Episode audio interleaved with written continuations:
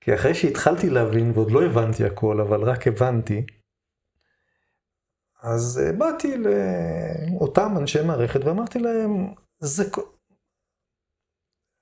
זה לא בסדר מה שקורה. אומרים לי, תשמע, מקרה כמו שלך עוד לא נתקלנו. לא נתקלנו. אלא מאי? אני בשנת 2012-2014, אה, בטווחים האלה התחלתי עם חבר'ה שלי להתארגן ולפעול לטובת, אה, למניעת האפליה. חבר'ה שלך, גברים שגם גברים, נפגעו? גברים שנפגעו, גברים גרושים. הקמתי גוף שנקרא מטה המאבק למען אב הגרוש, שהיה הגוף האקטיבי בעצם הראשון שפעל בצורה כלל ארצית, עוד לפני עידן הרשתות החברתיות. ואני זכיתי לקבל למשל כתבה בארץ שהגדירו אותי אה, כסרטן, כי אני מתפשט בכל מיני מקומות. כן, מגיע. ואז שמעתי את המשפט הזה, שרק, לא שמענו עוד על מקרה אחר, אתה מקרה מיוחד, אלפי פעמים. כלומר, זאת הייתה שיטה. כדי, אחרי שקודשים, רוב האנשים כשקודשים אותם, הם נשברים, הם אין להם את הכוח להילחם.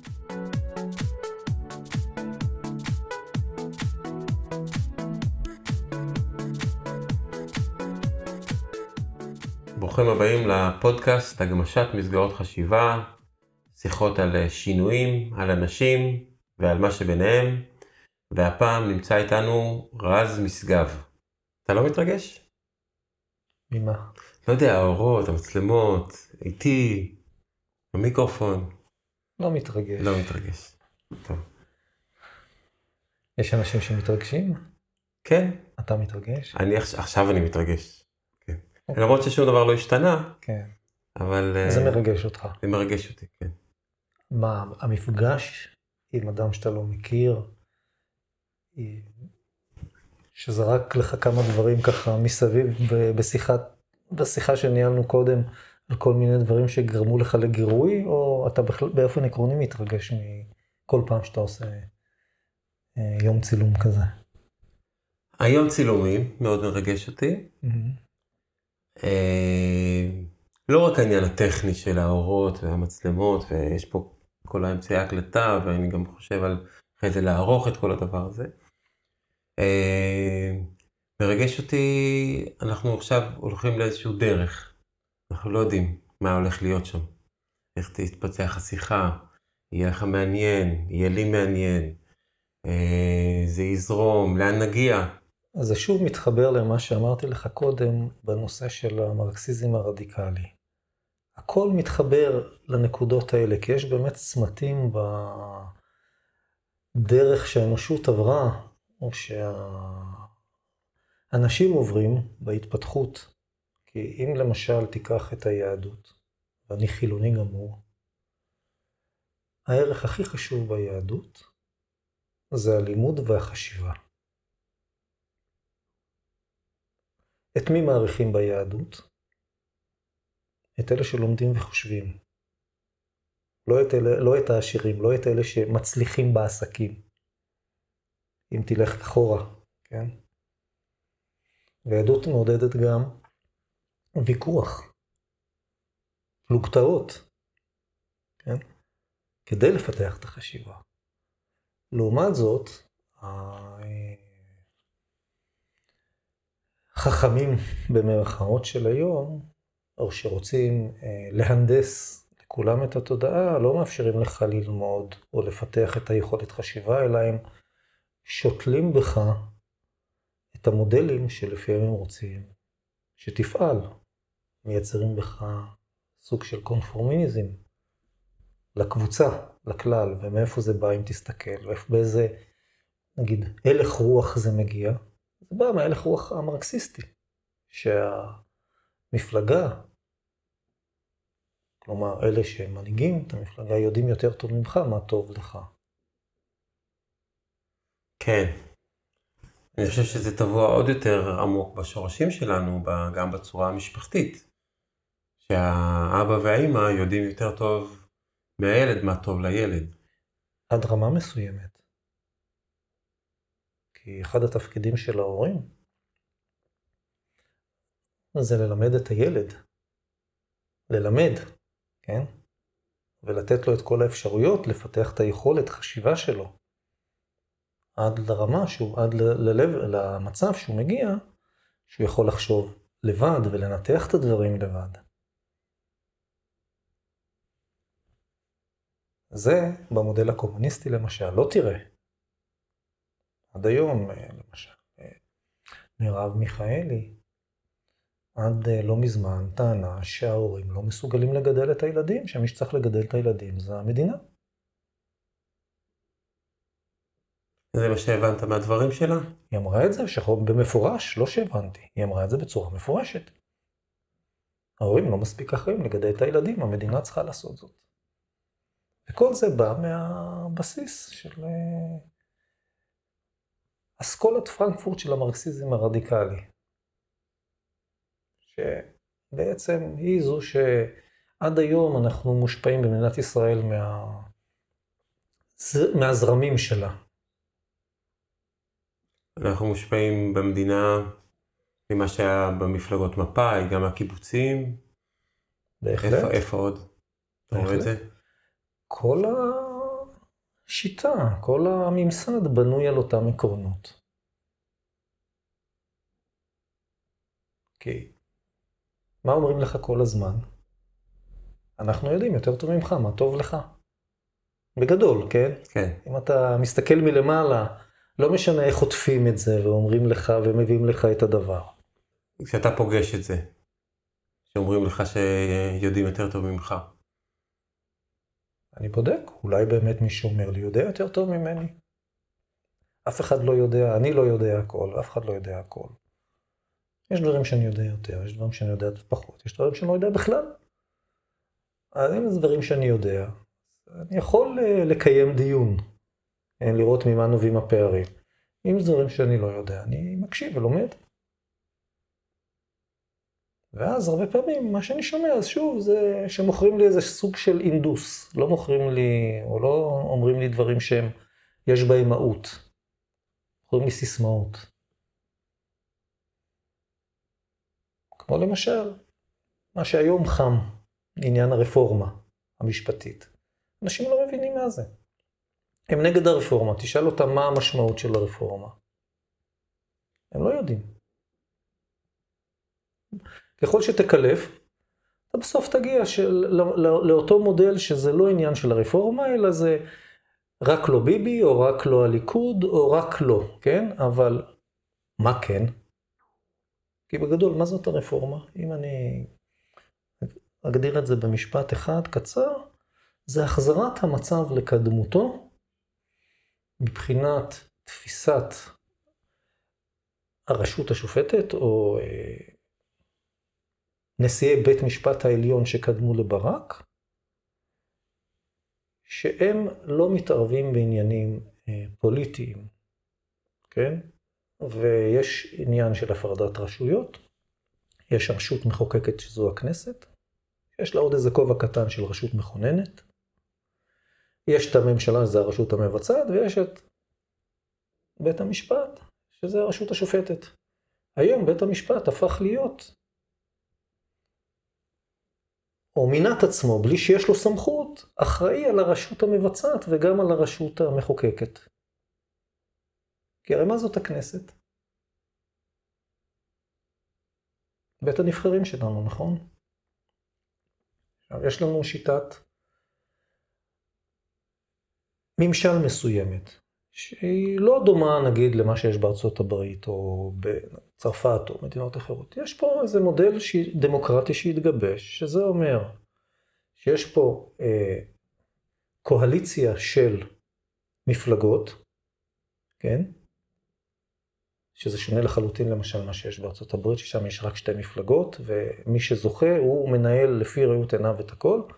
בקואליציה של מפלגות יש בעיה. למי שזכ... מי שנבחר להיות ראש הממשלה או לנהל את הקואליציה, הוא צריך להתפשר.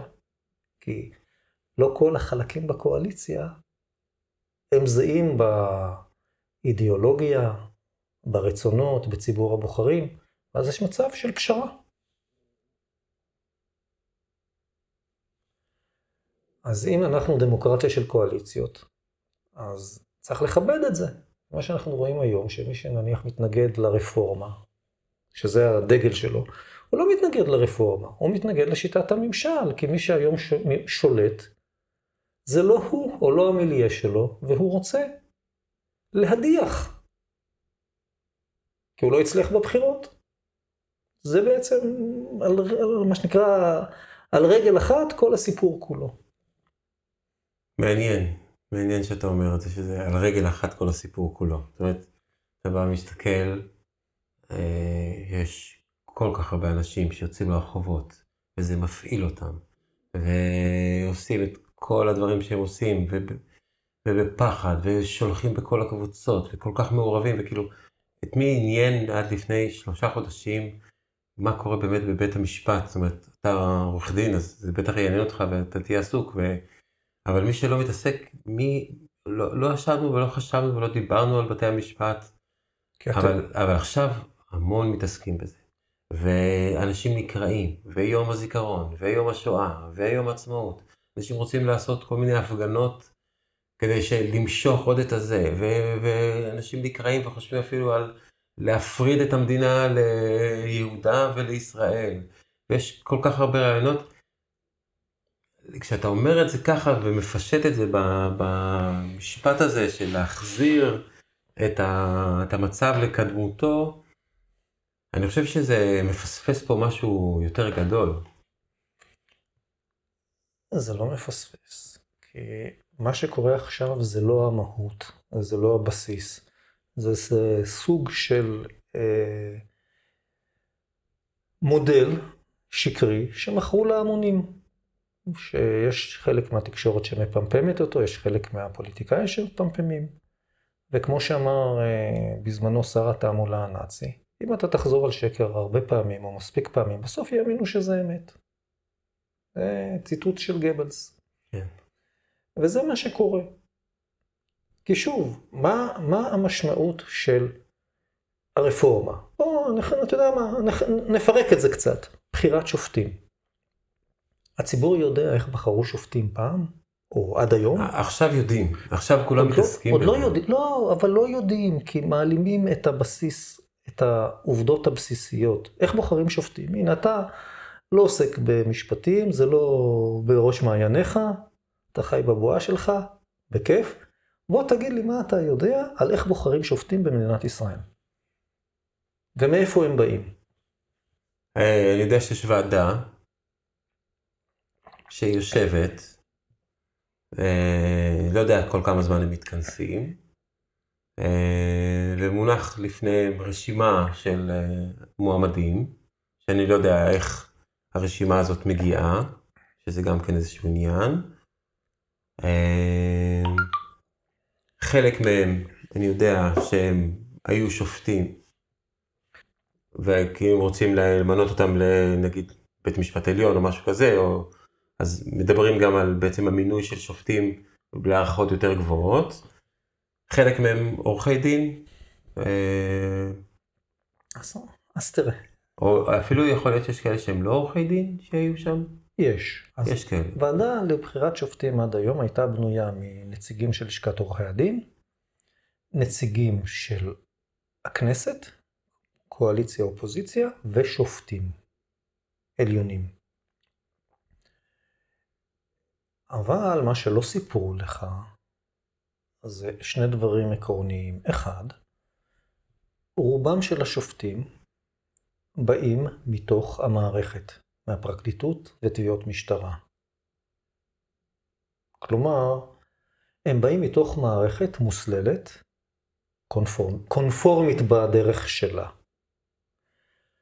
כשאני אומר רובם, זה מעל 95%. ואז נוצר מצב שבו שופט שבא מתוך המערכת, באופן אוטומטי, עם מי הוא מזדהה? עם המערכת. עם המערכת שממנה הוא בא. דבר שני, שהוא מאוד מהותי, וזה סוג, אתה יודע מה, אני אדבר עוד על הדבר הראשון, זה שכולם באים מתוך המערכת, זה סוג של נפוטיזם. נפוטיזם מערכתי, פה פיתחו את המונח נפוטיזם, והוא מערכתי, כלומר, כי את מי המערכת תקדם? היא לא תקדם את הנון קונפורמיסטים, את אלה שחושבים, את אלה ששואלים שאלות. המערכת תקדם את אלה שהם קונפורמיסטים לחלוטין, שהם יתמכו בה. אתה היית רוצה, כשאתה מתמודד, נגיד מול רשות, שזה, שכך יתנהג השופט, שמראש הוא יהיה מוטה לטובת המערכת? בטח שלא הייתי רוצה. דבר שני, לא גילו לך, עד, עד, עד שנת 2014-2015, וגם היום לא מדברים על זה יותר מדי, שמי מכשיר את השופטים? אני לא יודע. ואיך עושים סינונים ראשוניים, שזה הבסיס. יש קורס שופטים? כן, אבל מי עושה את הקורס? הנהלת בתי המשפט. לטעמי, קורס שופטים צריך להתנהל באיזושהי מערכת אקדמית. זאת אומרת, משרד המשפטים יכול לבוא ולהגדיר מה צריך ללמד אדם כדי להיות שופט, ויש את זה במדינות אחרות, אז אפשר ללמוד, וזה צריך להתנהל במערכת, במערכת אקדמית עצמאית, כן? וכל מי שרוצה להיות שופט או ללמוד שפיטה, יכול ללכת ללמוד. היום, כדי להתקדם לקורס שופטים, אתה לא יכול. אתה צריך לקבל המלצות. המערכת צריכה להמליץ עליך. זאת אומרת שהם קודם צריכים לבחור אותך ואז? נכון. ואז ת, ת, ת, תלמד את זה? בדיוק. ומה, יכול, ומה למשל אם אתה בחור מוכשר, עם יכולת הבנה, ואתה רוצה ללמוד להיות שופט? ללמוד לשפוט. לא רק לעשות קורס גישור, אלא גם ללמוד, שוב, ללמוד להיות שופט, ואחר כך להציע את עצמך. אגב, יש מדינות בעולם ששיפוט ברמה של אה, בית משפט שלום, זאת אומרת, מה שנקרא בין אדם לחברו, זה שופטים שנבחרים מקרב אנשים שאינם עורכי דין אפילו. מקרב מה שנקרא העם, אנשים עם ניסיון חיים, עם חוכמת חיים, והם עושים את הרבה מאוד מהשיפוט במה שנקרא ב-level הבסיסי. נניח שהצלחת להתקבל לשיפוט, אגב, כדי להתקבל לשיפוט אתה צריך המלצה, המלצה של שופטים. ואם אתה נון קונפורמיסט, איזה שופט ימליץ עליך? עכשיו, נניח שעברת את המכשלה הזו והתקבלת לקורס. עשית את הקורס, ואז הייתה, הסתבר, ב-2014 או 2015 התגלה שהייתה ועדה סודית. שקראו לה ועדת השניים. השתיים. השתיים. כן. ששתי שופטות אה, בדימוס היו עושות סינון. וממליצות מי כן ומי לא. והן היו מראיינות את המועמדים. בחוסר סמכות. זאת אומרת, פעולה, פעולה כזו של רשות צריכה סמכות. תכף אני... תזכיר לי את זה, כי הנקודה הזו היא מאוד מהותית להבנה. הרבה אנשים לא, לא מכירים את זה. לא, אף אחד לא הסמיך אותם לעשות את הבדיקה הזו. אבל הם היו עושות את הסינון, ורק מי שהן אישרו היה בכלל מגיע לוועדה לבחירת שופטים.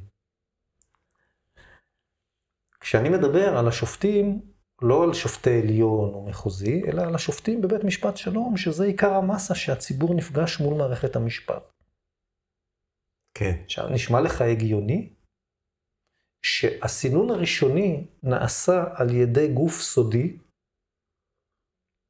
שאתה לא יודע מה הקריטריונים, אתה לא יודע מה אה, הלך הרוח, והם אומרים מי כן, מי לא. אני, כאזרח, לא הייתי רוצה מערכת שיפור, שפיטה כזו, אני הייתי רוצה מערכת שקופה, כמו למשל בארצות הברית, ששם השופטים נבחרים, ומי שמציע במודד לשיפוט, עובר הליך של חקירה, בחינה בפני ועדה ציבורית, לא בפני ועדה שתבחר אותו. עושים לו שימוע. לך היה איזשהו רצון פעם להיות שופט? גם אם היה, אני מראש ידעתי שחבל על הזמן. מה זאת אומרת? בגלל, ה... בגלל המנגנון? בגלל המנגנון, ובגלל שאני מ-day one uh, בתחום נון קונפורמיסט. אבל אם היו נותנים לך להיות שופט, והיית מביא אה, דעות מיעוט לרוב? זה לא קשור, המונח דעת מיעוט הוא לא רלוונטי. כל מקרה, כשמגיע עניין לשיפוט או לבחינה, כל מקרה הוא לגופו של עניין. זאת אומרת, יכולים להיות מקרים דומים שהתוצאה תהיה שונה. כל מקרה לגופו של עניין. כן. איפה מתבטא הנון קונפורמיות שלך? בכך שאני לא מקבל כל דבר כמובן מאליו. למשל, יש היום אה, חזקה משפטית שהיא לא כתובה בחוק, אלא היא יציר פסיקה של בית משפט עליון, שנקראת חזקת המנהל התקין. כלומר, קיימת חזקה שאם איש רשות בא ואומר משהו, זה תקין. באמת? כן. זה כבר גורם לי לזוז באי נוחות. לו אני, למשל, הייתי צריך היום לכתוב חקיקה, הייתי קובע שאין מושג כזה חזקת המנהל התקין, וכל מקרה צריך להיבחן לגופו. מי אולי הפקיד נגור, אולי הפקיד לא, לא מספיק מקצועי, אני נתקל בזה הרבה בתחומים מסוימים. אם, אם, אה, אם נחסוך ונהיה לטובתו, ולא נגיד שהוא מוטה מכל מיני טעמים, חכה, נגיד אני, שאולי אני, הוא לא מקצועי. אני מתחיל, הוא לא מספיק מקצועי. וזה אני נתקל הרבה בתחומים מסוימים. ואולי יש שם איזו הטיה אה, אידיאולוגית, אה, אחרת, כן? סוג של משוא פנים, סוג של אה, אמונות אחרות, כן? כל מיני דברים מהסוג הזה. אז אם מראש כשבא איש רשות מתייחסים למה שהוא אומר כראה וקדש, אז איך יכול האזרח הקטן ובעיקר המוחלש לקבל אה, צדק בית משפט? עוד, אני... עוד הרבה לפני בית המשפט, שיש, כשיש את החזקה הזאת בבית המשפט, אז זה מחלחל להתנהלות היומיומית במפגש של האזרח עם המנגנון. או בהתנהגות של המנגנון כלפי האזרח. ובדיוק. שהם יודעים שהצדק איתם, שהחזקת הצדק שעד, איתם. ש, ש, זה לא הצדק איתם, שהם יקבלו, שכשהם יבואו לבית משפט, בית משפט יגן עליהם, במקום לבקר אותם. ובפרט מול רשות, התהליך צריך להיות בדיוק הפוך, לטעמי. כלומר, מי שצריך לבקר אותו כל הזמן זה את המערכת, ומדוע? אמרתי לך קודם שתזכיר לי משהו.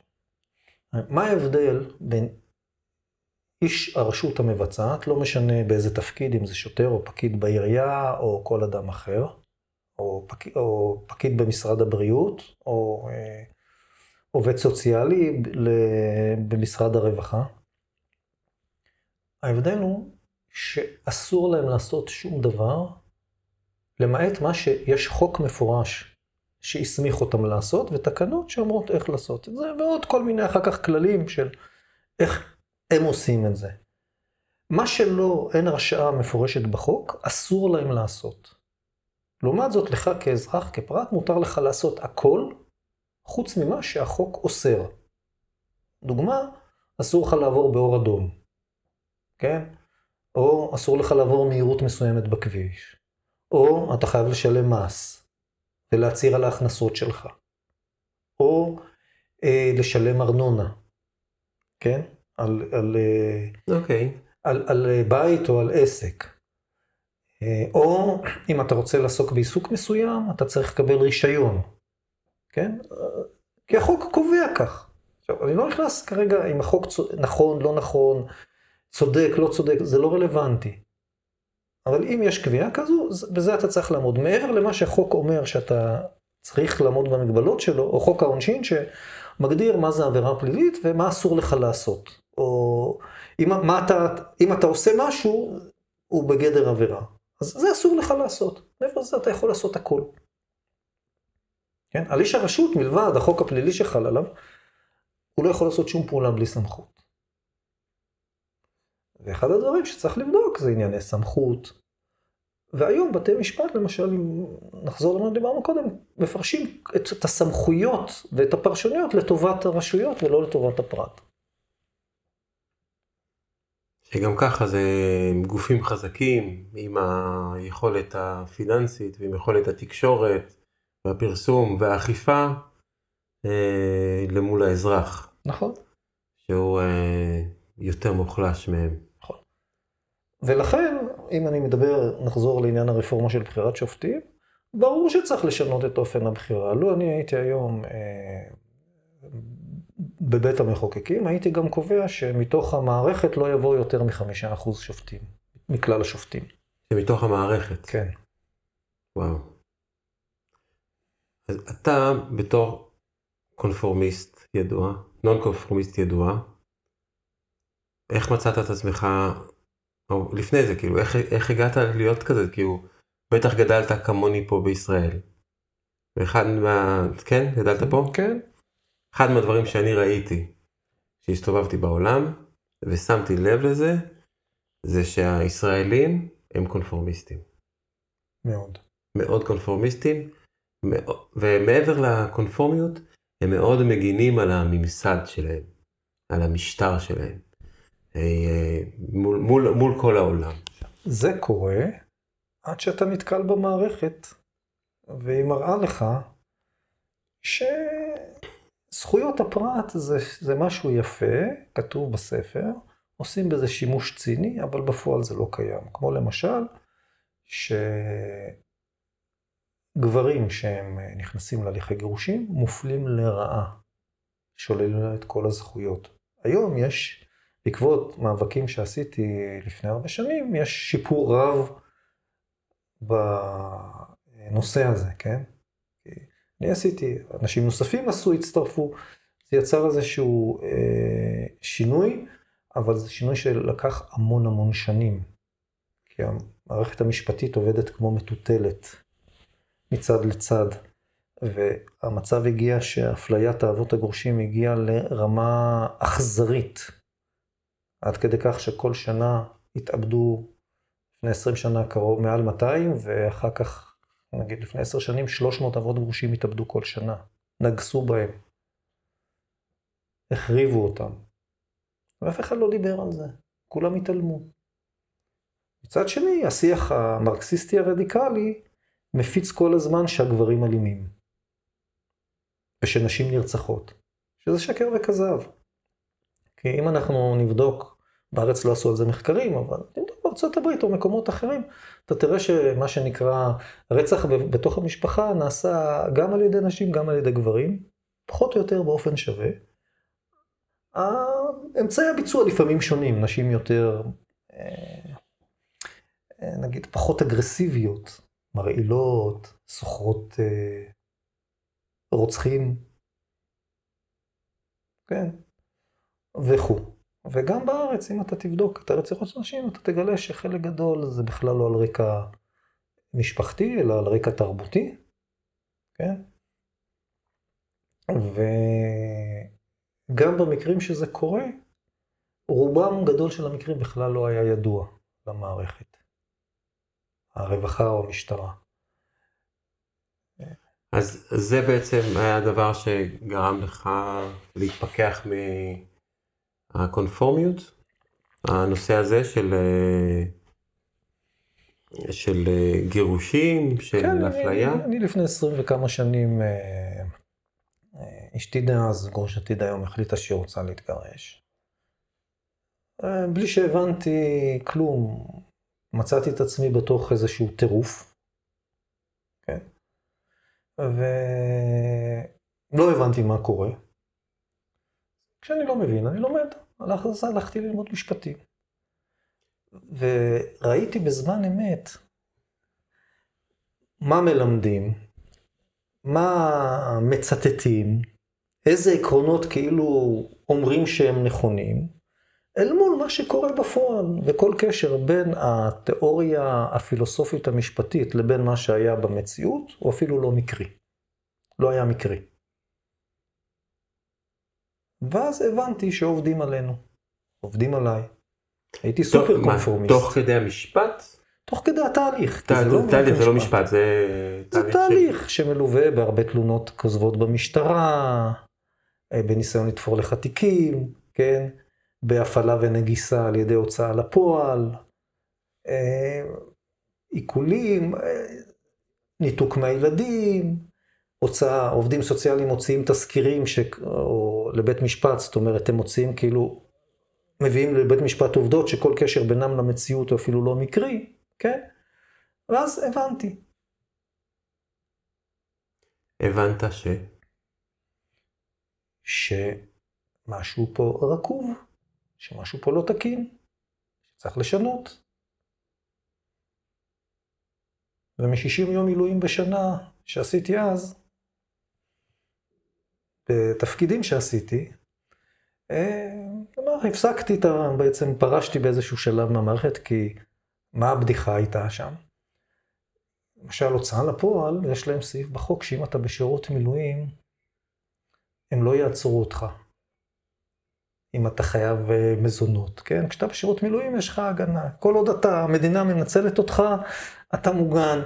ברגע שאתה משתחרר, הם יכולים לעצור אותך. עכשיו, זה אבסורד. או במילואים אתה נושא נשק. מבקשים להוציא נגדך צו הגנה, אז אתה כבר לא יכול לשאת נשק, כן?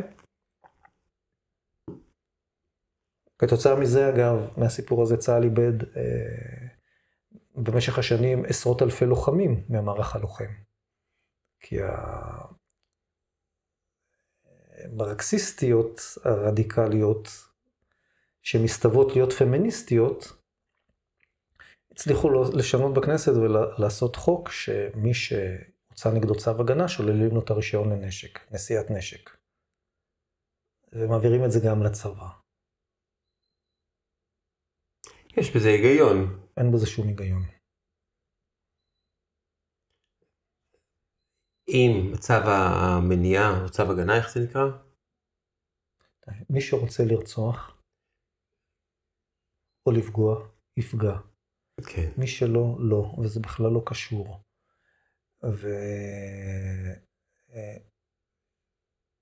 ויש על זה גם מחקרים שמגלים שזה לא כצעקתה. והניסיון למנוע נשק מאזרחי, מהאזרחים היהודים של מדינת ישראל הוא לא נובע מזה, אלא נובע ממש מהליכים אחרים שאנחנו רואים היום, כמו מה שקרה בשומר חומות של ההתפרעויות, כן? כדי שלך כקבוצת אוכלוסייה לא תהיה יכולת להתגונן. זאת הסיבה.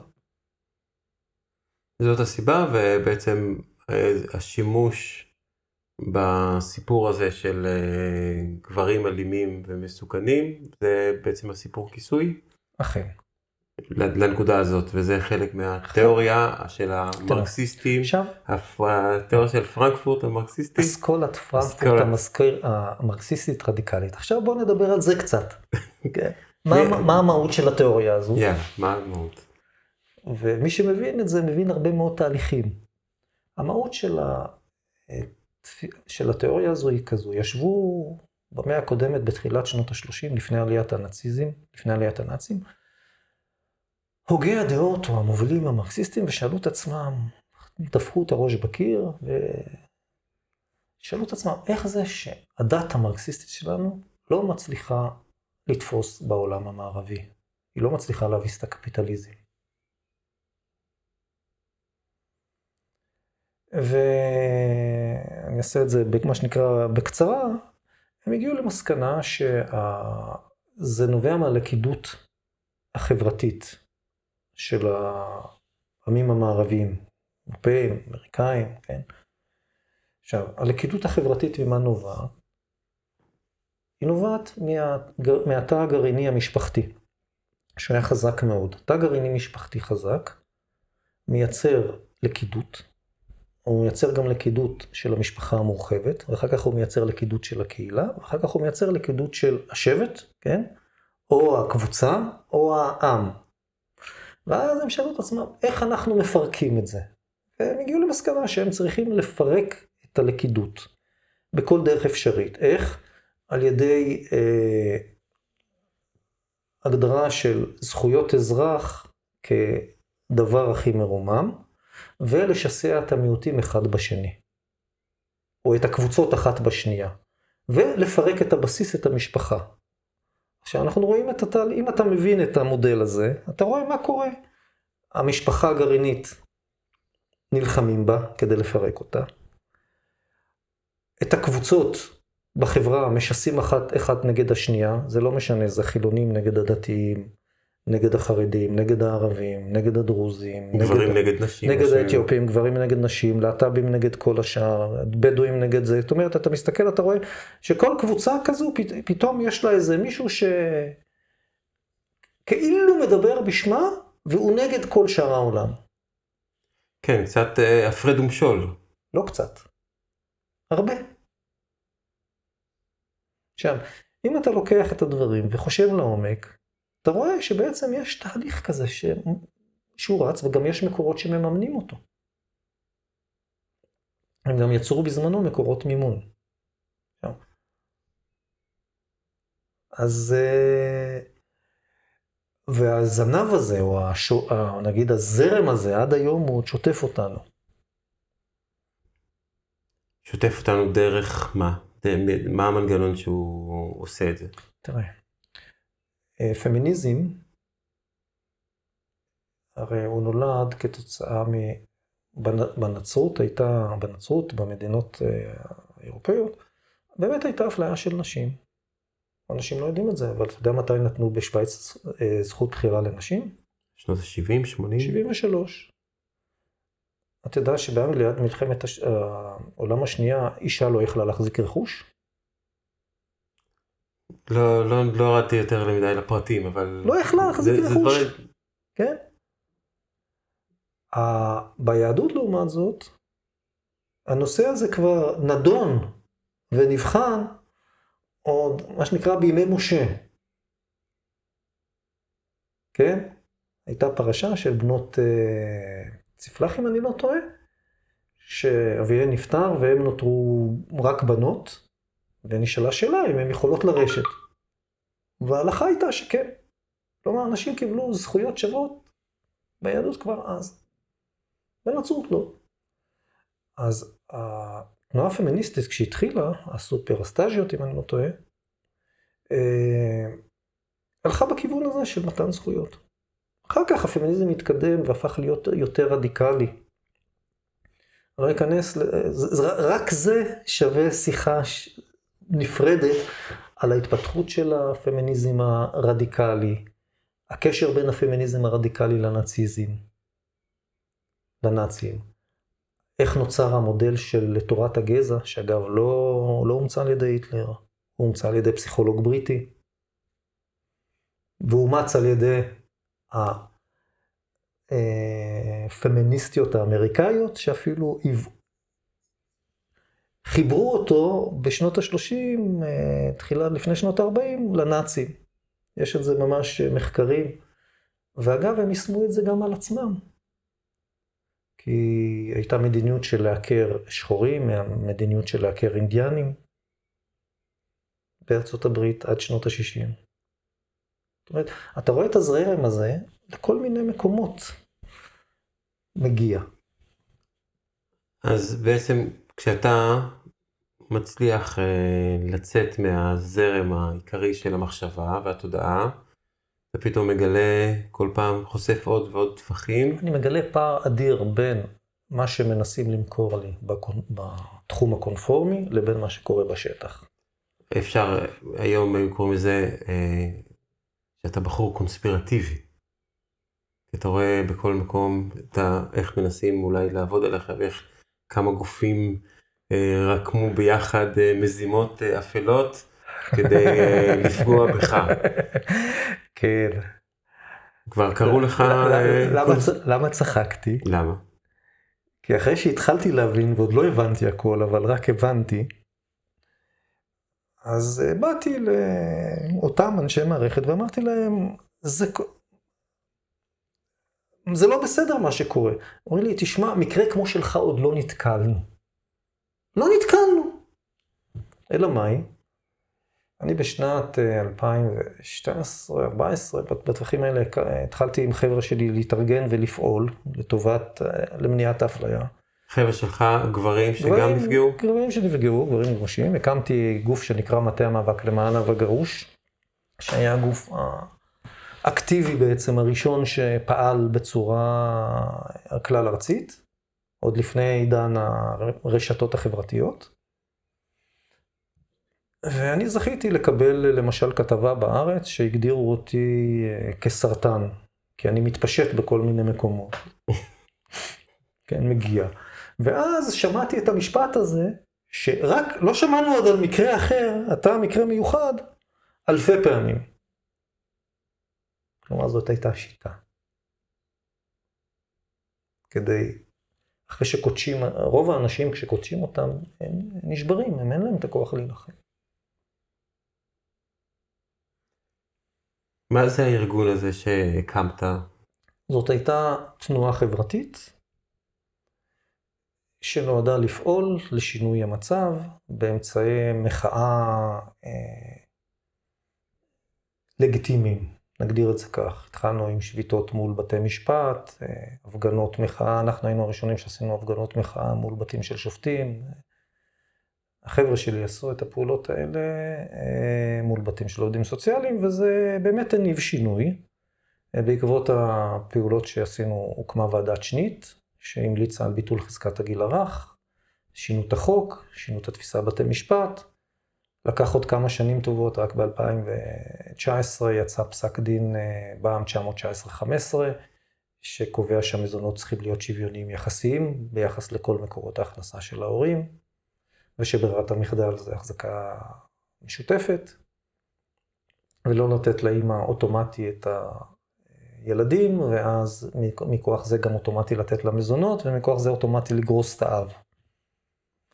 והיו המון מקרים של ניכור הורי, שגם את זה הכחישו, והיום כבר מודעים לזה, מתחילים לטפל בזה, ויש יש, יש התקדמות יפה מאוד, אבל לוקח הרבה, לקח הרבה זמן. בינתיים, עשרות אם לא מאות אלפי ילדים נפגעו. כי דיקור הורי גורם לילדים נזק רגשי נפשי. כנ"ל אבות. כ-300 מתאבדים כל שנה. לא עדיין? עדיין. עדיין מספרים כאלה? כן. לא מצליחים לעמוד בעומס.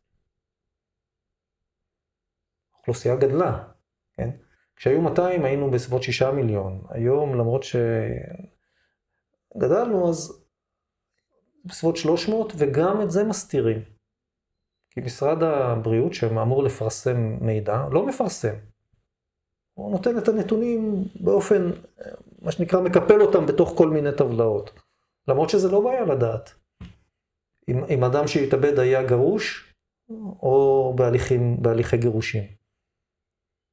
מטה המאבק למען אב הגרוש. הוא כבר לא, הוא פעיל בצורה מאוד מינורית, זאת אומרת, אה, אין לי כבר את הכוח לתפעל כל כך הרבה אנשים, זה דורש הרבה אנשים. ואתה היית שם בתפעל? כן. ועכשיו אתה כבר לא מתפעל את זה?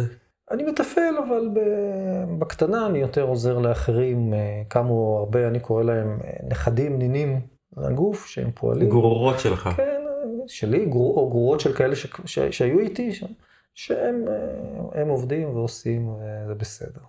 אי אפשר להחזיק את הדגל כל השנים. גם uh, צריך להתפרנס ממשהו.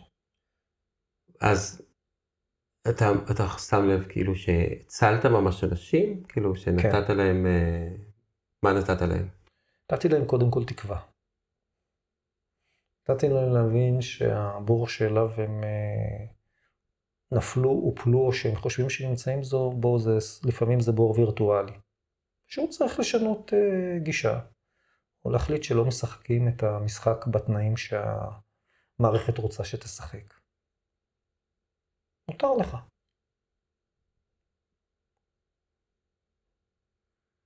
כן. ואם יש גברים שמתגרשים, גברים שעכשיו בתהליכים, יש להם למי לפנות? היה עוד שינוי שהוא מאוד מהותי בגישה המערכתית.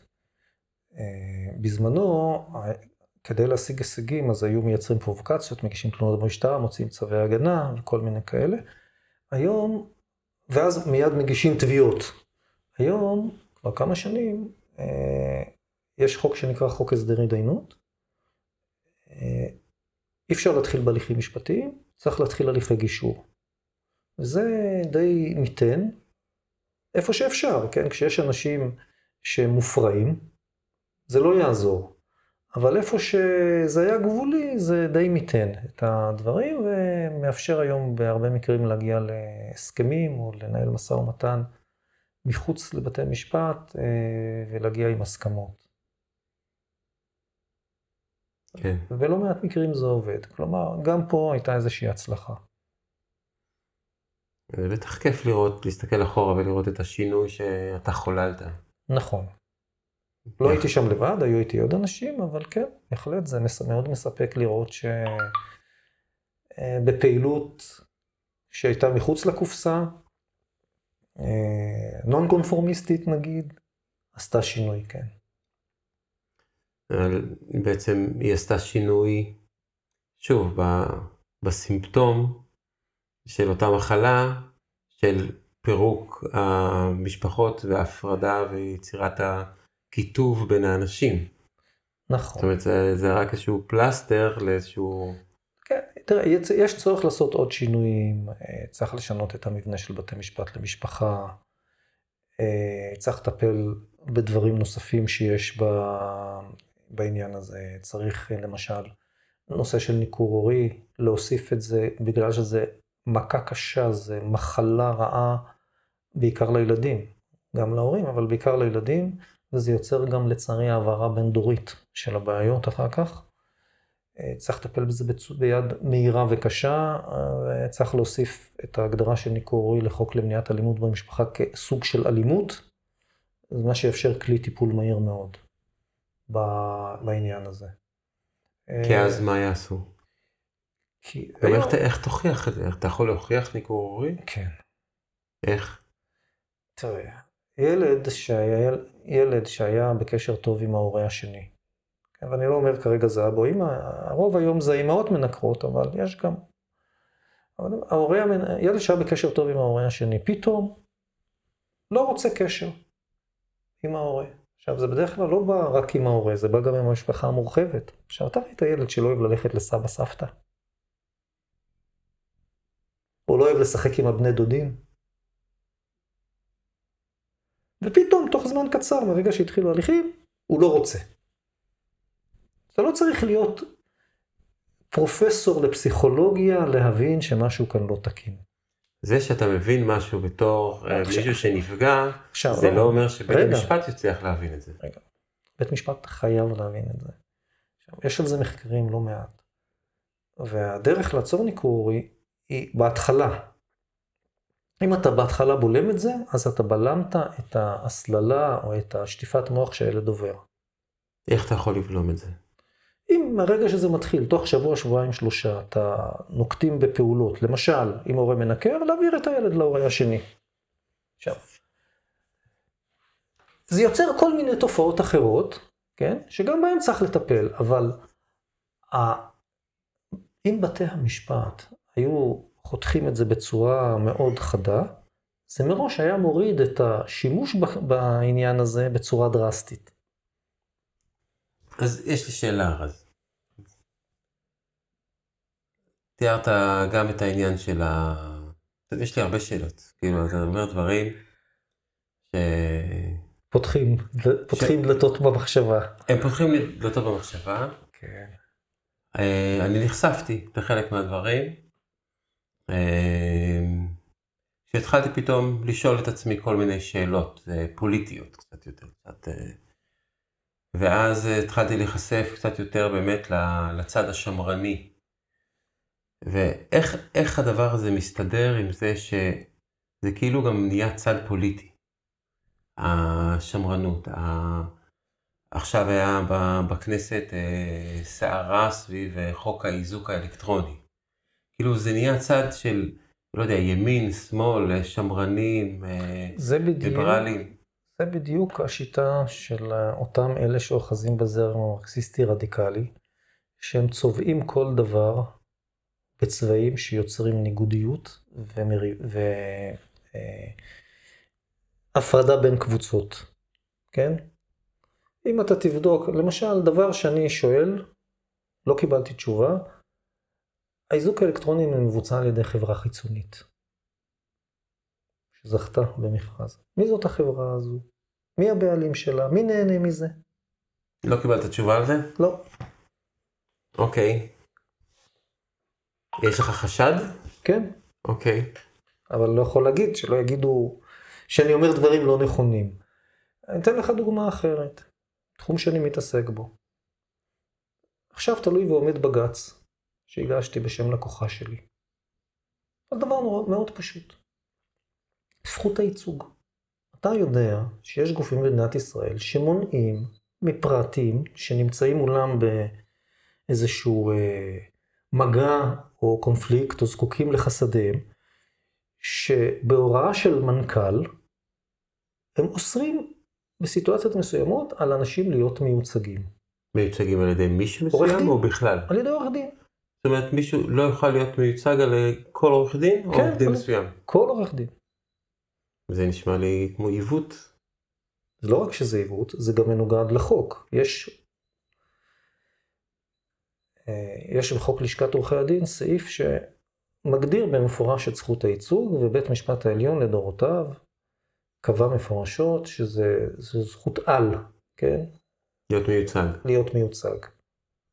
רק במקרים מאוד מיוחדים שהחוק אה, קובע שלא יהיה ייצוג, אז זה אפשרי. אתן לך דוגמה, תביעות קטנות, כן? אבל בתביעות קטנות יש שוויון בין הצדדים. ואם אחד הצדדים הוא חברה גדולה שמביאה עורך דין, או עורך דין, לצורך העניין, אז השופטים, כדי לאזן, מאפשרים גם לצד השני לקבל סיוע משפטי. אבל, או לדוגמה, אה, עצורים שנחשדים בעבירות ביטחון, אבל אז התהליך מתבצע תחת בקרה של בית משפט. כן? זאת אומרת, במקרים מאוד מאוד ספציפיים, בצבא, בצה"ל, בדין משמעתי, יש את האפשרות הזו, אבל זה רק בצה"ל. אה, אה, בכל דין משמעתי אחר, ש- ש- שהוא בתחום האזרחי, מותר להיות, זאת אומרת, זכותו של כל אחד להיות מיוצג. אבל פה במקרה הזה, לא, ודווקא לאוכלוסייה שהיא מוחלשת וחלשה, למי? למי? מי זה האנשים שלא זכאים לקבל ייצוג? זה מאוד אה, מסקרן אותי. אנשים שאמורים, יש בהליכי, בהליכי משפחה, אה, לפעמים, לפעמים אה, בית המשפט ממנה עובד סוציאלי לסדרי דין כדי שיעשה עבורו חקירה. לפעמים העובד הסוציאלי, כדי לכסות את עצמו, לתקף את מה שהוא רוצה, מכנס מה שנקרא ועדת תסקירים. עכשיו, כל התוצרים של הוועדה הזו, או גם התוצרים של העובד הסוציאלי, יש להם משמעות משפטית, כי זה מובא לבית משפט כעובדות, ועם המלצות של אותו עובד סוציאלי, מה הוא ממליץ לבית משפט לעשות. עכשיו, האדם הרגיל, ההדיוט בה', אין לו מושג מה המשמעות, או המשמעויות של מה שאומר העו"ס, או מה שהוא ממליץ, או איך לטפל בתהליך הזה. ופה הם מונעים ייצוג. בוועדה הזאת של מול העו"ס של התזכירים. כן, הבנתי. מול העו"ס של התזכירים, וגם מול, מול העו"ס עצמה, כשהיא באה לעשות את, ה, את, כן. ה, את, ה, את החקירה שלה ואת ההמלצה. עכשיו, אנשים לא מבינים. בשביל זה הם שוכרים עורך דין. אז עומד ותלוי בג"ץ, ומשרד הרווחה אומר, אני אה, לא מוכן, אני מבקש לדחות את הבג"ץ, ובג"ץ, במקום שיפסוק באופן מיידי, אוטומטי, איך אמרת? זה עושה שכל. אנחנו ממתינים, למשל. כי בית משפט עליון מחפה על המערכת. הוא לא בעד האזרח הקטן, הפרט האמיתי. מי שרוצה להבין את זה, שיקרא, ש- שיסתכל למשל בפודקאסטים של אה, ירון זילקה, בכל מה שקשור לנושא של, של החלטות בית משפט עליון בנושאים כלכליים. למשל, שיסתכל למשל על אה, מה טוען אדם בשם משה בדש שהורשע בעבירות מס. של פיקנטי. פיקנטי. אני זוכר, היה לו פרסומת, תשמע סיפור פיקנטי. כן. ואז הוא, העלוקות, נכון זה שלו? כן. אז תסתכל מה האיש אומר. שאני לא יודע אם זה נכון או לא נכון, אבל כשאחד אומר, שני אומר, שלישי אומר, רביעי אומר, גם אני אומר את זה על דברים, על מקטעים מסוימים שנחשפתי אליהם, אז כנראה שיש בעיה. יש את המשפט שאומר שזה שמישהו פרנואיד, זה לא אומר שלא רודפים אחריו. שלא רודפים אחריו, נכון. אז אתה חושב שרודפים אחרינו?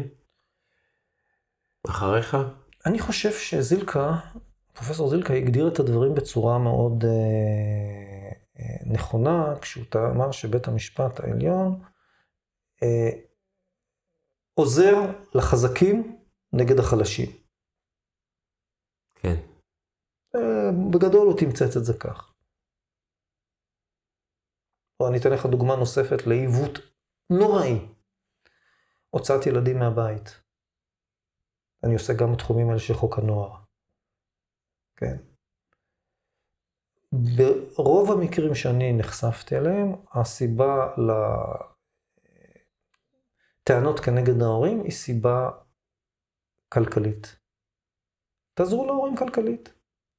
גם אם הם חלשים, גם אם הם מוחלשים, גם אם הם לא ההורים הכי אידיאליים. עדיין לילד המקום הכי טוב להיות זה בבית של ההורים שלו. לא בשום מקום אחר. הוצאה של ילד לפנימיות, או בדרך כלל זה בהוצאה למרכזי חירום, ואז העלות לחודש לילד לגולגולת היא 25-30 אלף שקל. ילד. משפחה עם ארבעה ילדים, תעשה את החשבון. תן למשפחה הזו, לא... אה, לא 100 אלף שקל בחודש, תן להם... לא 120 אלף שקל לחודש, תן להם 10,000 שקל בחודש, תן להם 15 אלף שקל בחודש, תעזור להם. הרבה יותר טוב לכולם, תחסוך, תחסוך הון תועפות למדינה, והילדים יהיו יותר טובים, כי מה לעשות, יש, יש uh, כבר מידע בדוק, שקרוב ל-80% מהילדים האלה נותנים להם תרופות פסיכיאטריות. שמי שהולך באמת על ה... למרכזי אה, נוער האלה? כזה חירום, ואחר כך לפנימיות. עכשיו, הפנימיות זה קצת פחות, אבל אז יש איזושהי מגמה שאני רואה אותה בהרבה מאוד מקרים, להגדיר את הילד כילד שמצריך, שהוא, ב, שהוא, שהוא ילד טיפולי. ואז, כשהוא עובר לפנימייה שהיא טיפולית, הסכומים הם די דומים לחודש. ואני יכול לספר לך על מקרים שבהם אה, כשההורים היו צריכים עזרה בבית, לא קיבלו שום עזרה, עזרה יחידה זה להוציא את הילדים מהבית. אז למשל. זה, זה מתחיל בעצם מפרידה של זוג. לא, לא דווקא. אם, אם אני כאילו... אה. נכון, פרידה של זוג, ואז מתחיל איזשהו ניכור הורי, ואז... לא, א', לאו, לא, לאו דווקא. אז... בנושא של חוק נוער זה יכול להיות גם לא מפרידה, למרות שהכיוון שלך הוא נכון, כי אם אתה תסתכל סטטיסטית, קבוצת האוכלוסייה הגדולה ביותר שממנה מוציאים ילדים, היא לא המשפחות שיש להם את התא המשפחתי של אבא אימא, אלא, אלא ילדים שנמצאים בדרך כלל אצל אימהות אה, יחידניות, או מה שקראו פעם חד-הוריות. זו קבוצת האוכלוסייה הכי גדולה שממנה מוציאים ילדים. כשאתה עושה את זה, זה איפה אתה מול... אה, יש לך ילדים? יש לי ילדים. אוקיי. איפה הם? שני הגדולים שלי מנוכרים, והקטן אה, בקשר איתי. מנוכרים עד כדי כך שעכשיו שהם גדולים שהם לא יכולים לראות, לא רואים את התהליך, הם לא מצליחים להבין את זה? לא, הנזק שנגרם לילד מנוכר הוא כזה, ש... הרבה פעמים כדי להציל את נפשו, הוא חייב לבחור צד. כי ההורה המנקר מעמיד, מעמיד אותו בדילמה, או בדיס, בדיסוננס בקשר עם האבא, או עם האימא, כן, נגד ההורה השני, בצורה כזו שאם הוא לא יבחר צד, הוא עשוי להתפרק נפשית. וברגע שהוא בוחר, זה כבר נצרב. ומשהו שהוא הפיך לפי דעתך באיזשהו אופן? יש מקרים שכן. זה לא דבר שאפשר אה, לשים עליו את האצבע ולהגיד אה, בדרך כלל כן או בדרך כלל לא. מה אפשר לעשות? נגיד, מה אתה יכול לעשות, נגיד, עם הילדים שלך שמנוכרים? מה אפשר לעשות שם? אני מנסה כל פעם ליצור איתם קשר, באופן ישיר, באופן עקיף. מקווה שיום אחד אה, זה יעשה את שלו.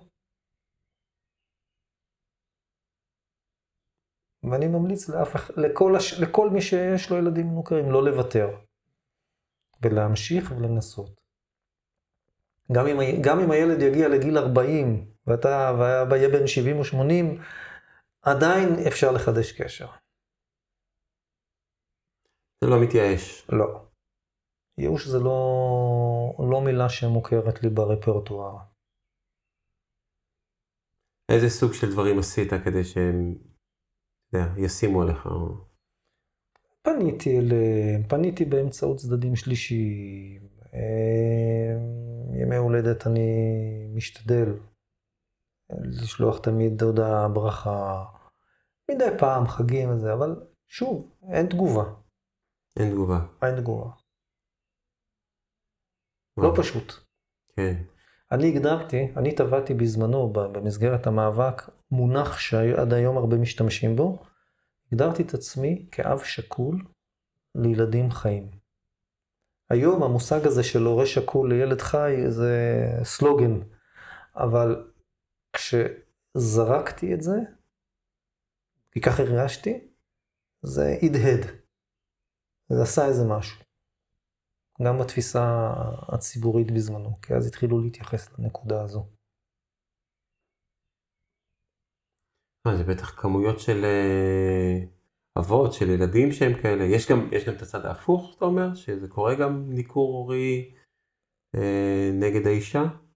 נדיר, אבל uh, קיים אני מניח, כי המאפיינים של ההורה המנקר הם מאפיינים אישיותיים, הם לא, הם לא מאפיינים מגדריים. אני חושב שזה גם, זה יכול להיות מאוד הגיוני שאתה אתה חי עם הילד בבית. ונגיד עכשיו חזרת מדיון בבית משפט,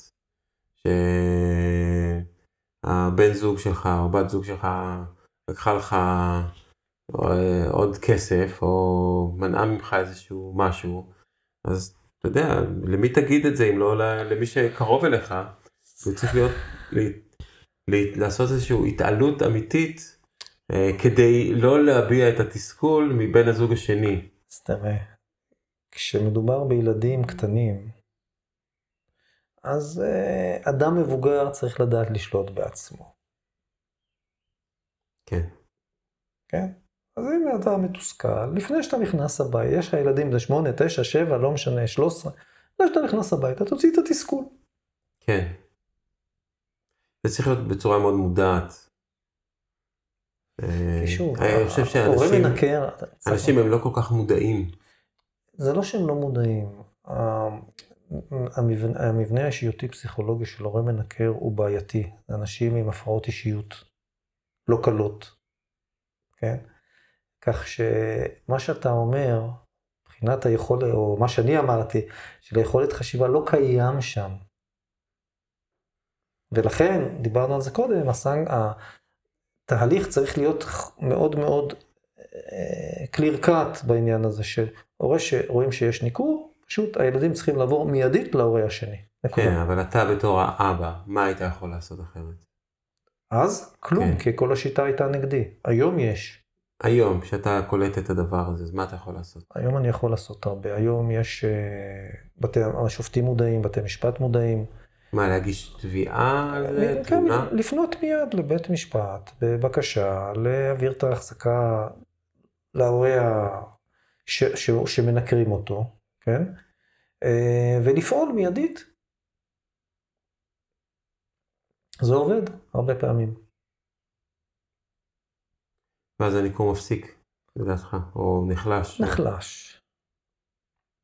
זה מעניין, כל התהליך הזה, שאנשים עוברים מלהיות אה, זוג אוהב, וכן חמים לילדים, ועם אה, כל הדמיונות והחלומות המשותפים, ופתאום אה, נהיה שם איזה פצצה מתקתקת, אה, בדרך כלל, מה שאני ראיתי, זה קורה כשה...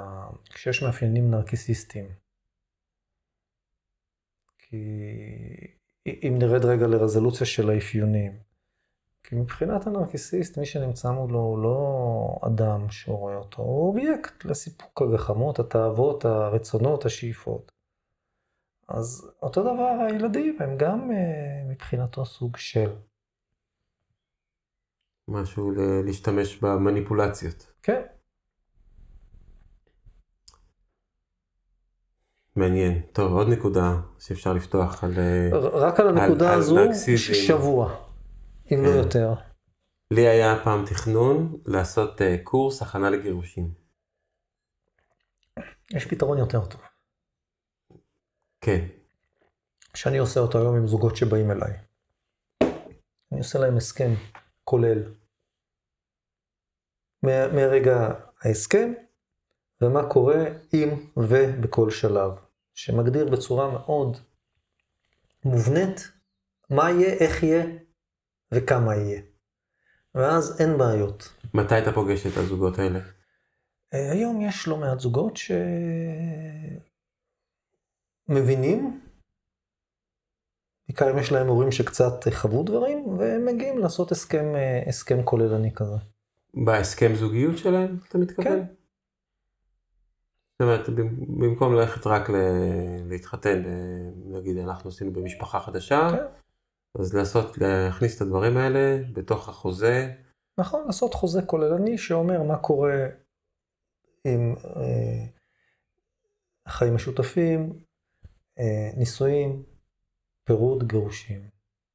ולוקח, ולוקח מהניס, מהניסיון שהצטבר לי, אני לוקח את כל הפרמטרים, ובונה מתווה שהוא הוגן, הוא שוויוני, כן? הוא לא מפלה לרעה אף אחד, והוא אה, מייתר, מייתר את המלחמה. מייתר את עבודת העורך דין אחרי זה? גם. קצת אה, יורה לעצמך ברגל. אגיד לך, היום, היום אישרתי הסכם, באתי אליך מאישור הסכם בבית משפט. אמרתי, וזה הסכם שלקח כמה חודשים טובים, הצלחנו לעשות את זה בעזרתה האדיבה של עורכת הדין שייצגה את האישה, שאין הרבה כאלו, אני אומר, יש הרבה עורכי דין שעושים בדיוק ההפך, וזה בדיוק מה שאמרתי ללקוח שלי, אמרתי לו, תראה, אני פועל, בתפיסה שלי, אני מסתכל מה טוב ללקוח. אני לא מסתכל על האינטרס הכלכלי שלי של לייצר עוד תיק ועוד הכנסה. אני גם לא צריך את זה. מסתפק במועט.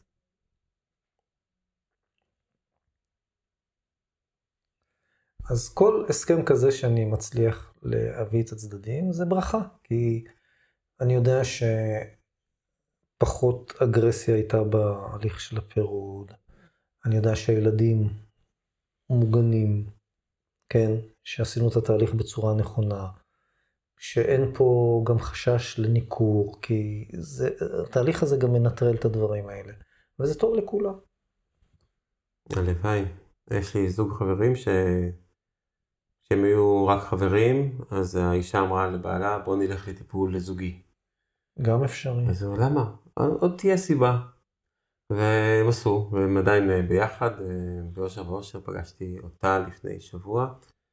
אה, לשמחתי הם עדיין ביחד, אבל זה נראה לי, אתה יודע, כמו... זה, זה...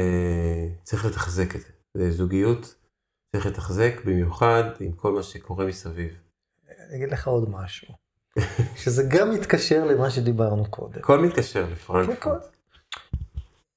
אה, יש, כן. תראה, בזמנו חיו משפחה גרעינית יחד עם המשפחה המורחבת.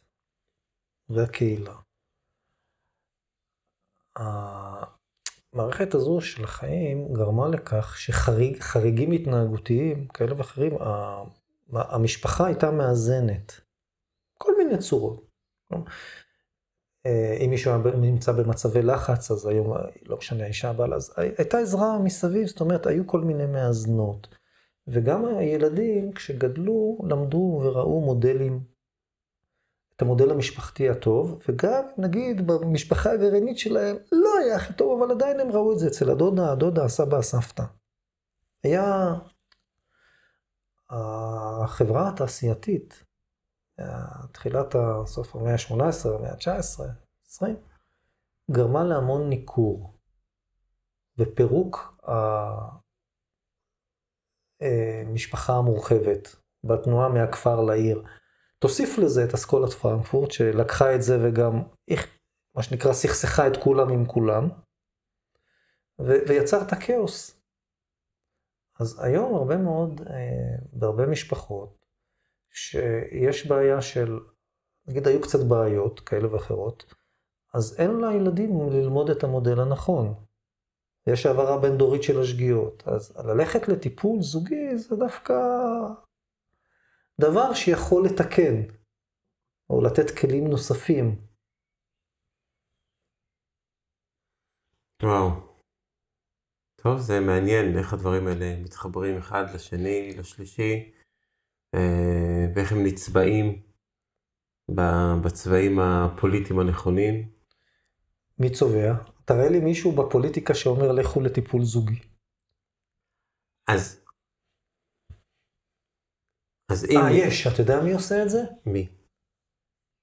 החרדים, הדתיים. כן, הם שולחים? כן.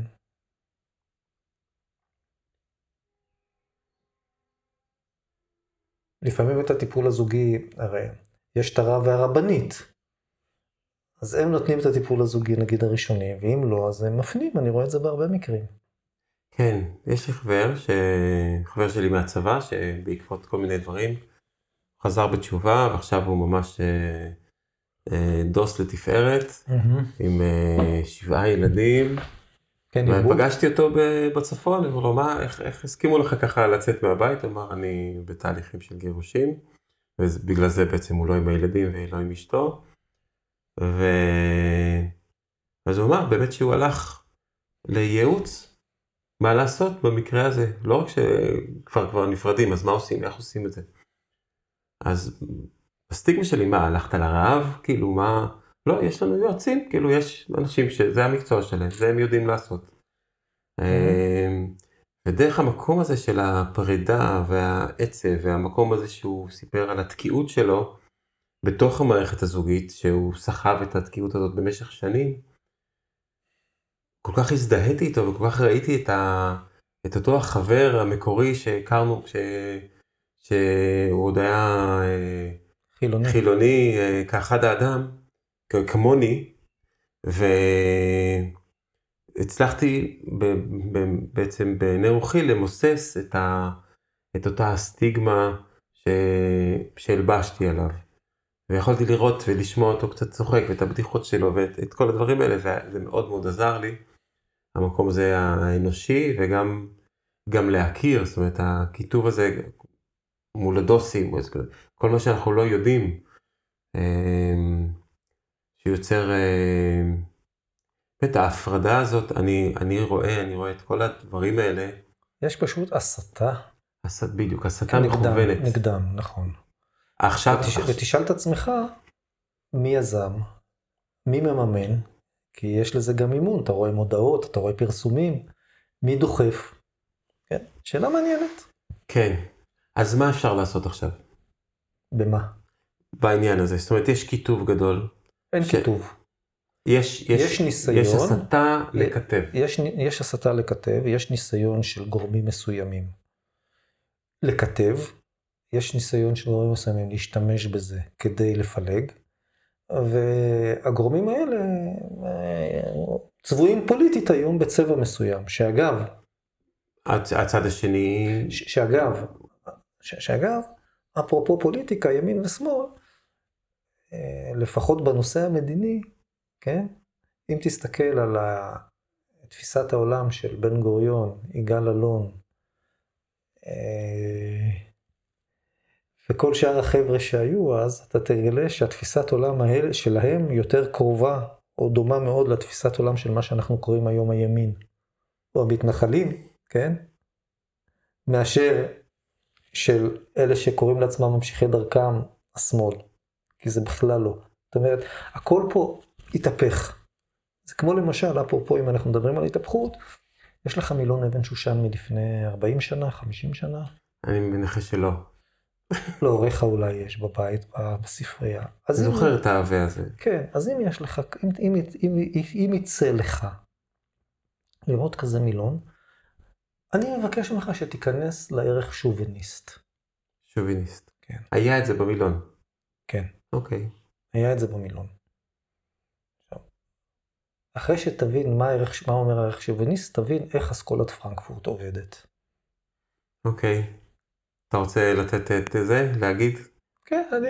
תגיד ואני, ואני אשים על זה את ה... ותבדוק. כן. הערך שוביניסט של לפני הרבה שנים זה לאומני, ימני, פשיסט. כן? זה ההגדרה של שוביניסט. באמת. כן. בא, באו החבר'ה של אסכולת פרנקפורט ולקחו כל מונח, כמו שהיום עושים אגב עם הדגלים, כן? כמו שהשמאל עושה עם הדגלים, אבל לקחו כל מונח שמשוייך לצד הימני והפכו את הפרשנויות שלו וצבעו אותו בצבעים אחרים. היום אתה שומע שוביניסט, אתה אומר זה, זה אנטי פמיניסט. לא נכון. אלא אם כן, הפמיניסטיות הן באמת אה, חלק מהתיאוריה המרקסיסטית הפרנקפורטית, שהם באים לפרק את המשפחה, אז יכול להיות שהם כן. אה, נכון, כי הם לקחו את המונחים, מה שנקרא, המייצגים של הצדדים, של ימין, שמאל, של הגדרה של זהות, וצבעו את זה בצבעים אחרים. איך יוצרים מצב שהאנשים, הפרטים, אה, לא ייפלו בפח הזה? מאוד פשוט. קודם כל, לא לקנות כל מה שהם מוכרים לך. זה כמו שאתה רואה פרסומת לקנות אה, מוצרים מסוימים, תחשוב שגם בנושאים הפוליטיים משווקים לך. Okay. אוקיי. ומשווקים לך בעוצמת יתר. כמו שדידי הררי אמר, תאמיני לי, אל תאמיני לאף אחד. אפשר אה, גם אה, לאמץ את האמירה הזו. אה, כי שום, שום דבר לא חף מאינטרסים. אין שם היום בשמאל, אם אתה בודק את הדברים, בוא נשאל אותך שאלה אחרת, כן? דיברת על הסתה או על... אה, מאיפה בא? כל, תסתכל מאיפה באים כל ה... באות המנגינות שיוצרות פילוג והסתה, של אנחנו והם. אני חושב שהן באות משני הכיוונים. תבדוק. תראה למשל מה קרה בהפגנה שניסו מתנגדי הרפורמה לעשות בבני ברק. כן? אה, זה שהם... אה, מה בני ברקים החכמים עשו? הם אה, פתחו להם שולחן והזמינו אותם לאכול איתם צ'ונט וכל כן. הדברים האלה. נכון. וזה היה מיצג מדהים של התמרת הרגשות. זה ממש, הם השתמשו שם בהמון חוכמה. אה, אוקיי, אז זה יכול להיות דוגמה למשהו טוב שאפשר לעשות, אבל למשל עכשיו מתכננים הפגנת מיליון במוצאי יום העצמאות. זה כמו הפגנת 400 אלף. כן, עזוב, עזוב את מספרים. מה שזה מייצר, זה מייצר מחנות. נכון, זה נועד לייצר את הכיתוב. כן, אז זה, זה פשוט, זה לא עזוב מספר. אז... זה עכשיו, מה יהיה? אז אלה עושים הפגנה של חצי מיליון, אלה עושים הפגנה של חצי מיליון. מה הם יעשו? אחרי שהם. ירטטו כל כך הרבה זמן אחד עם השני. הם, הם לגמרי, הם מופנים בסופו של דבר להתנגש. אז אם תשים לב, דווקא הצד הימני של המפה כמעט ולא עושה הפגנות או הפגנות נגד. הם לא משחקים, הם לא משחקים עכשיו, במשחק. עכשיו הוא מתחיל. כן, אבל עד, הם, לא, הם לא משחקים את המשחק כמו שאלה רוצים. וזה mm. אגב, אם דיברת על שינוי, חשיבה ויציאה, אז זה דוגמה. לא לשחק את, לפי כללי המשחק שהצד השני מנסה להכתיב לך, או להביא אותך אליהם. כן. אני חושב שחלק מה... לשחק את המשחק הזה שמישהו מנסה להוביל אותי, אני חושב שזה גם אחד מהדברים שגורם למה שדיברת עליו מקודם, הנושא של ה... המלחמה הזאת בין, ה... בין המינים בגירושים. זאת אומרת, הבני זוג אה, נפרדים, טוב, לא רוצים להיות ביחד, אז, אז טוב, אז לא נהיה ביחד. אבל יש משהו במערכת שמעודד אותם להתנגש אחד בשני ולנסות לקחת כמה שיותר אחד מהשני אה, לטובתם. נכון. ואם המערכת, מה שאתה קורא המערכת, הייתה פועלת בצורה אחרת, לא נותנת כוח למי שרוצה לקחת, אלא חוסמת אותו מיד, אז זה לא היה קורה. וברמה האישית, שוב, אני, אם, אם המערכת תרצה לעשות את זה, אז, אז, אז כבר לא נצטרך את זה, אבל... אם המערכת תרצה לעשות את זה, תבוא אליי. אה, לבוא אליך. כן. איך אפשר להגיע אליך? יש טלפון, 054-6799-528. תרשום אותו גם בתיאור הסרטון. כן. אמ, ואיך עוד אפשר? אפשר לראות דברים שאתה כותב, לראות, שאתה עושה? אה, יש לי בפייסבוק אה, עמוד, אני כמעט לא מתחזק אותו. אני גם כמעט לא, אני לא מפרסם, כי מגיעים אליי בלי פרסום. אה, אפשר לראות ברשת צילומים שצילמו אותי בהרצאות או בפעילויות כאלה ואחרות. חפש את רז משגב. רז משגב. Mm, וואו, איזו שיחה מעניינת. עניין. לגמרי. ורק רק גירדנו. כן. כן, מקווה שאנשים יצלחו את החלק הראשון של, ה... של, ה... של הדיבור על הרפורמה. בעצם זה שאתה קורא לזה רפורמה זה כבר מתריס כלפי, בוא נגיד, רוב החברים שלי הם לא קוראים לזה רפורמה. אז אה, אם הם הצליחו לצלוח את הקטע הזה, אז זה אה, אומר שהם אמיצים. לא, אם הם לא יצליחו לצלוח את הקטע הזה, זה אומר שהם חסומים. נכון. כי, תקשיבו, אולי תלמדו משהו. גם אם אתם לא מסכימים איתי, לא חייבים להסכים איתי. אני יודע שבחלק מהדברים הדעות שלי הן אה, לא, מקו, לא מהמקובלות. תקשיבו.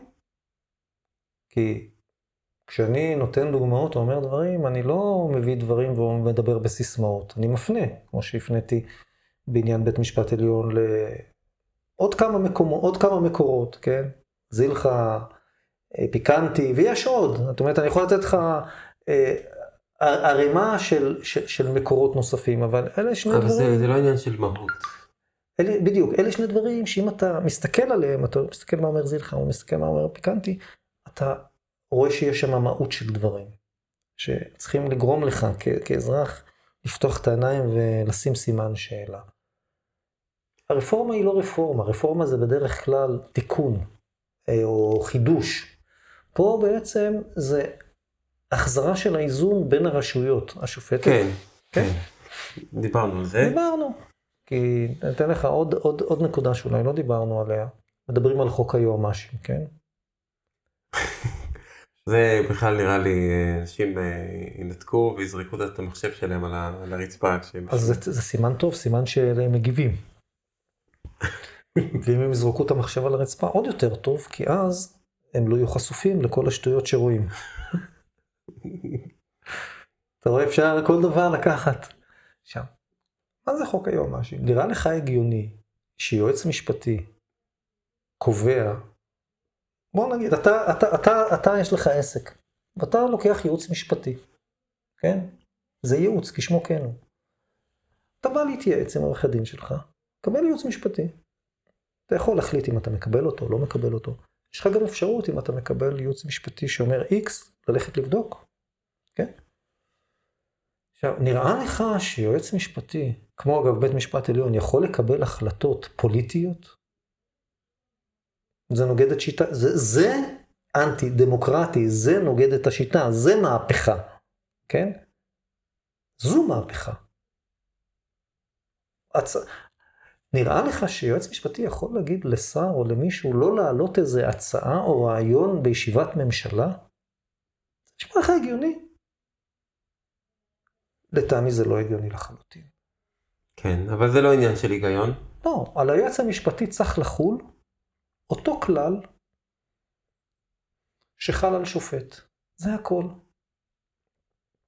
הכלל אומר כך, יש סעיף 2 בחוק יסוד השפיטה, שאומר, הן על היושב בדין, מרות זולת מרותו של הדין.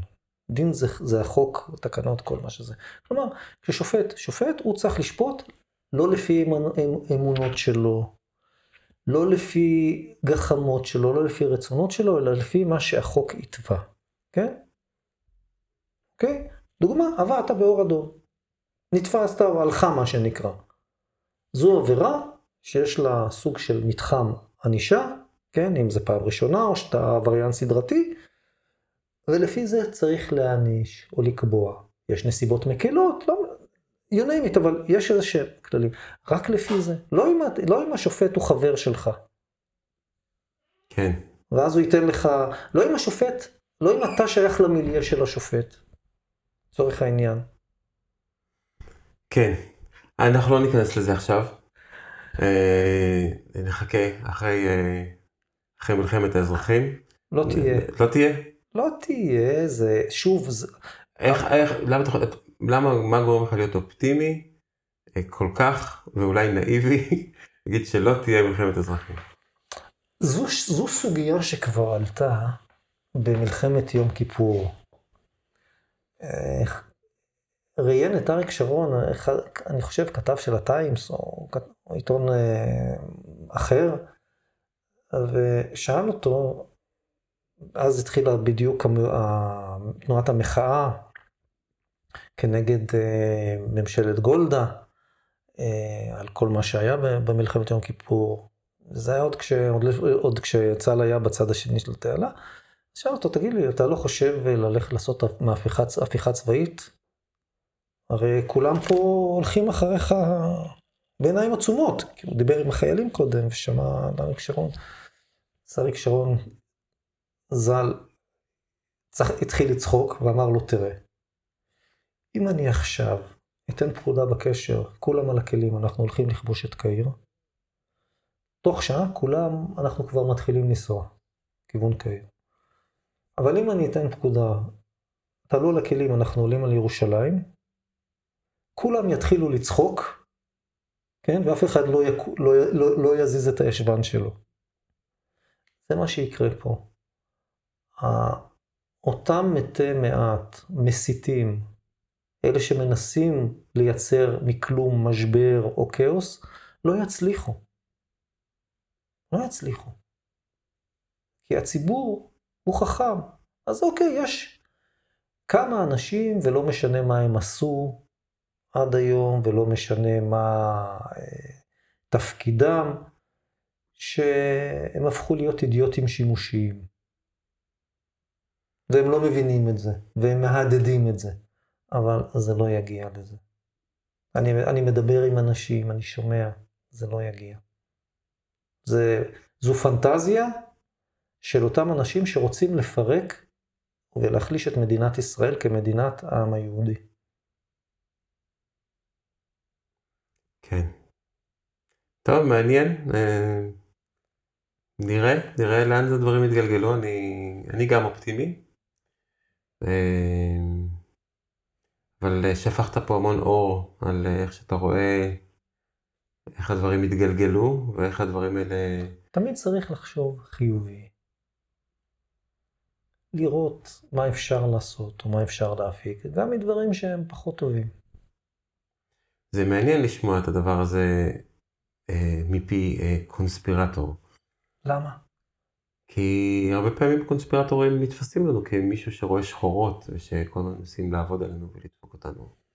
והמנגנון הוא כל כך אה, אה, נוקשה כלפינו. ולהיות אופטימי זה, זה להאמין ב, ביכולת האנושית קצת. תראה, עובדה היא שלמרות אה, כל מה שקורה, עדיין אנחנו חיים במדינה שהיא מתפקדת, שהיא לא התפרקה. אנשים שוכחים מה קרה ב-2008-2009 בארצות הברית ובאירופה, שהמדינות התפרקו כלכלית ואנשים אה, איבדו הכל, ופה, ואנחנו מאז רק צומחים וצומחים מבחינה כלכלית. אנשים שוכחים שאמרו שאם אה, נתניהו יהיה בשלטון, אז uh, מדינת ישראל תהיה מבודדת, והנה פתאום עושה את הסכמי השלום עם מדינות ערב, כן? אז יש לו זכויות. יש לו גם דברים לא טובים, הוא למשל לא דאג לאזן את כל, הבא, את כל הנושאים של הפגיעה בזכויות הפרט באבות בהליכי גירושים, למרות שהוא היה יכול, כן? הוא לא דאג לשנות את המנגנונים של שירותי הרווחה, למרות שהוא היה ראש ממשלה הרבה שנים. בצורה שתיטיב עם המשפחות, כן?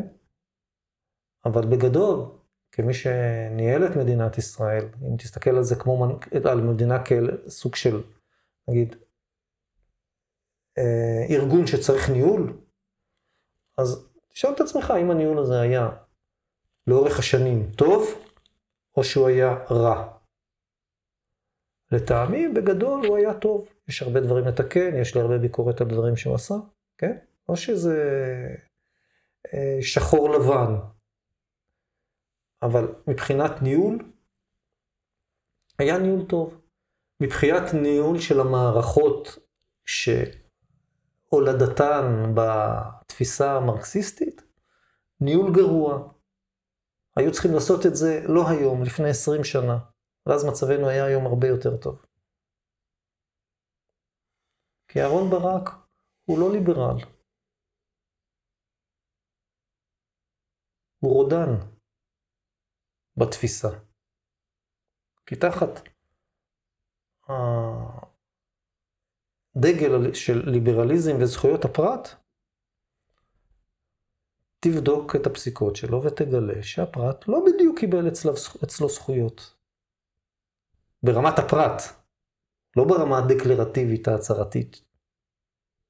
כשאתה כאדם פשוט בא לקבל שם סעד, הסיכוי שלך לקבל הוא אפסי. כן, אני חושב שגילינו את זה מאוד מאוד יפה בכל התקופה של הקורונה. שהרמיסה של זכויות אדם אה, ברגל גסה על ידי הממסד, והמשפט נתן לזה אישור ו... נכון. וכוח. ולא רק זה, גם את מי שהביע אה, קול אחר והתנגד לתפיסה המערכתית, נכנסו בו. רופאים שהביעו דעות אחרות, נקראו מה שנקרא לסדר, קראו להם לשימועים, העמידו אותם לדין, חלק שללו רישיונות. חלק עומדים היום לדין משמעתי. כן. למה? כי הם הביעו דעה אחרת. ומה הטענה כנגדם? אתה יודע מה הטענה כנגד רופאים שהתנגדו לחיסונים? לא. שהם גורמים לבהלה בציבור. אם הם מביעים עמדה שהיא מתנגדת לחיסונים, הם גורמים לבהלה בציבור.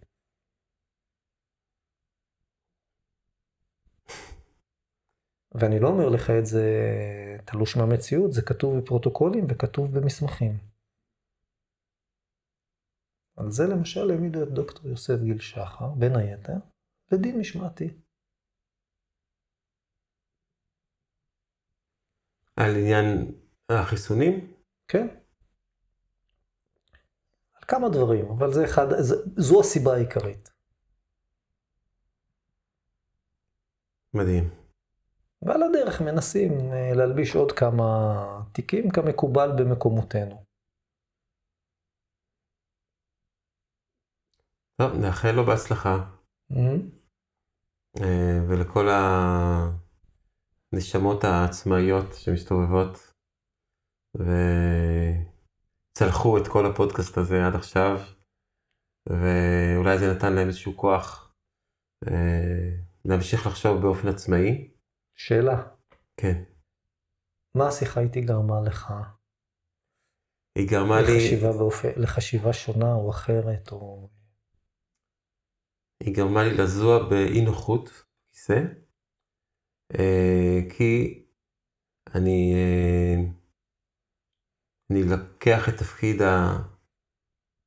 המארח פה, מאוד טוב לי איתך, אתה אומר דברים שהייתי רוצה לשמוע עוד ועוד ועוד, ולראות מאיפה אתה לוקח את הדברים האלה ורוצה להבין ולחקור את הדברים לעומק.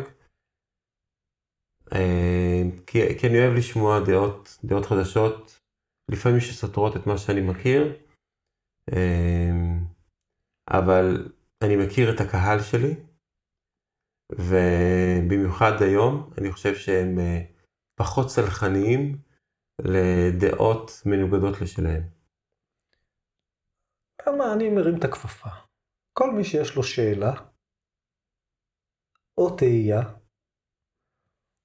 שיכתוב לך במסגרת האתר שלך, ויקבלו תשובה ממוקדת, עם הסברים. אם ירצו גם יקבלו הפניות לאנשים שחוו את החוויות שעליהם אני מדבר, כן? ויבינו שלא כל מה שמוכרים להם קיים. למה? אפרופו בנקודה הזו. אני למשל, הייתי רוצה לראות בבית משפט העליון אנשים שלא בדיוק מיישרים קו. למשל, יש פרופסור אה, למשפטים בועז סנג'רו, שאני לא מכיר אותו אישית, אני רק קראתי דברים שהוא כתב, שאחד הדברים שהוא כותב באופן אה, סיסטמטי, שבבתי הכלא יושבים הרבה אנשים חפים מפשע. מכל מיני סיבות.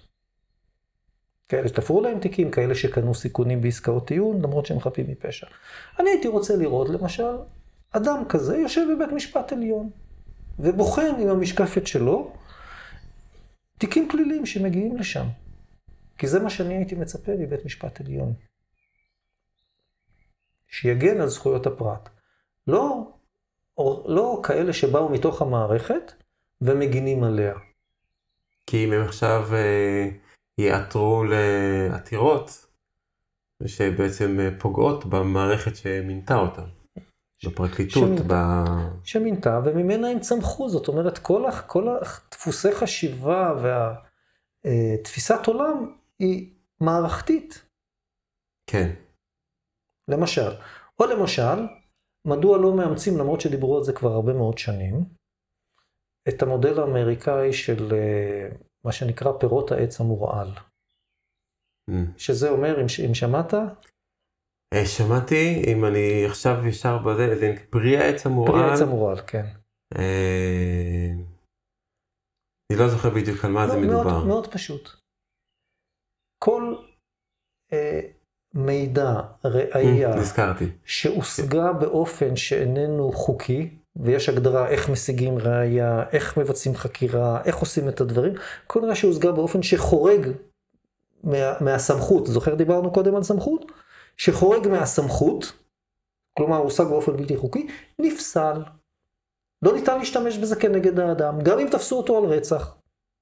כן, הזכרתי בזה. עכשיו, מה זה גורם? זה גורם לכך שהמערכת, האכיפה והחקירה תפעל כמו שצריך. עכשיו, האם אתה כאזרח, כפרט, מעדיף את המודל הקיים היום? עיין לא מזה, רק לפני חודש, ערך, ער, אה, רומן זדורוב, או שאתה מעדיף שהמודל הזה של, פירות, של פרי עץ המורל יהיה חלק ממערך החוק הפלילי במדינת ישראל. תגיד לי אתה. ואחרי שתגיע לתשובה, תשאל את עצמך את השאלה הבאה, מי מונע ומתנגד לחקיקה הזו? אמרתי לך שאני זע באי נוחות, אני רק חושב... זה היה בשביל הפינאלה. פינאלה טובה. אה,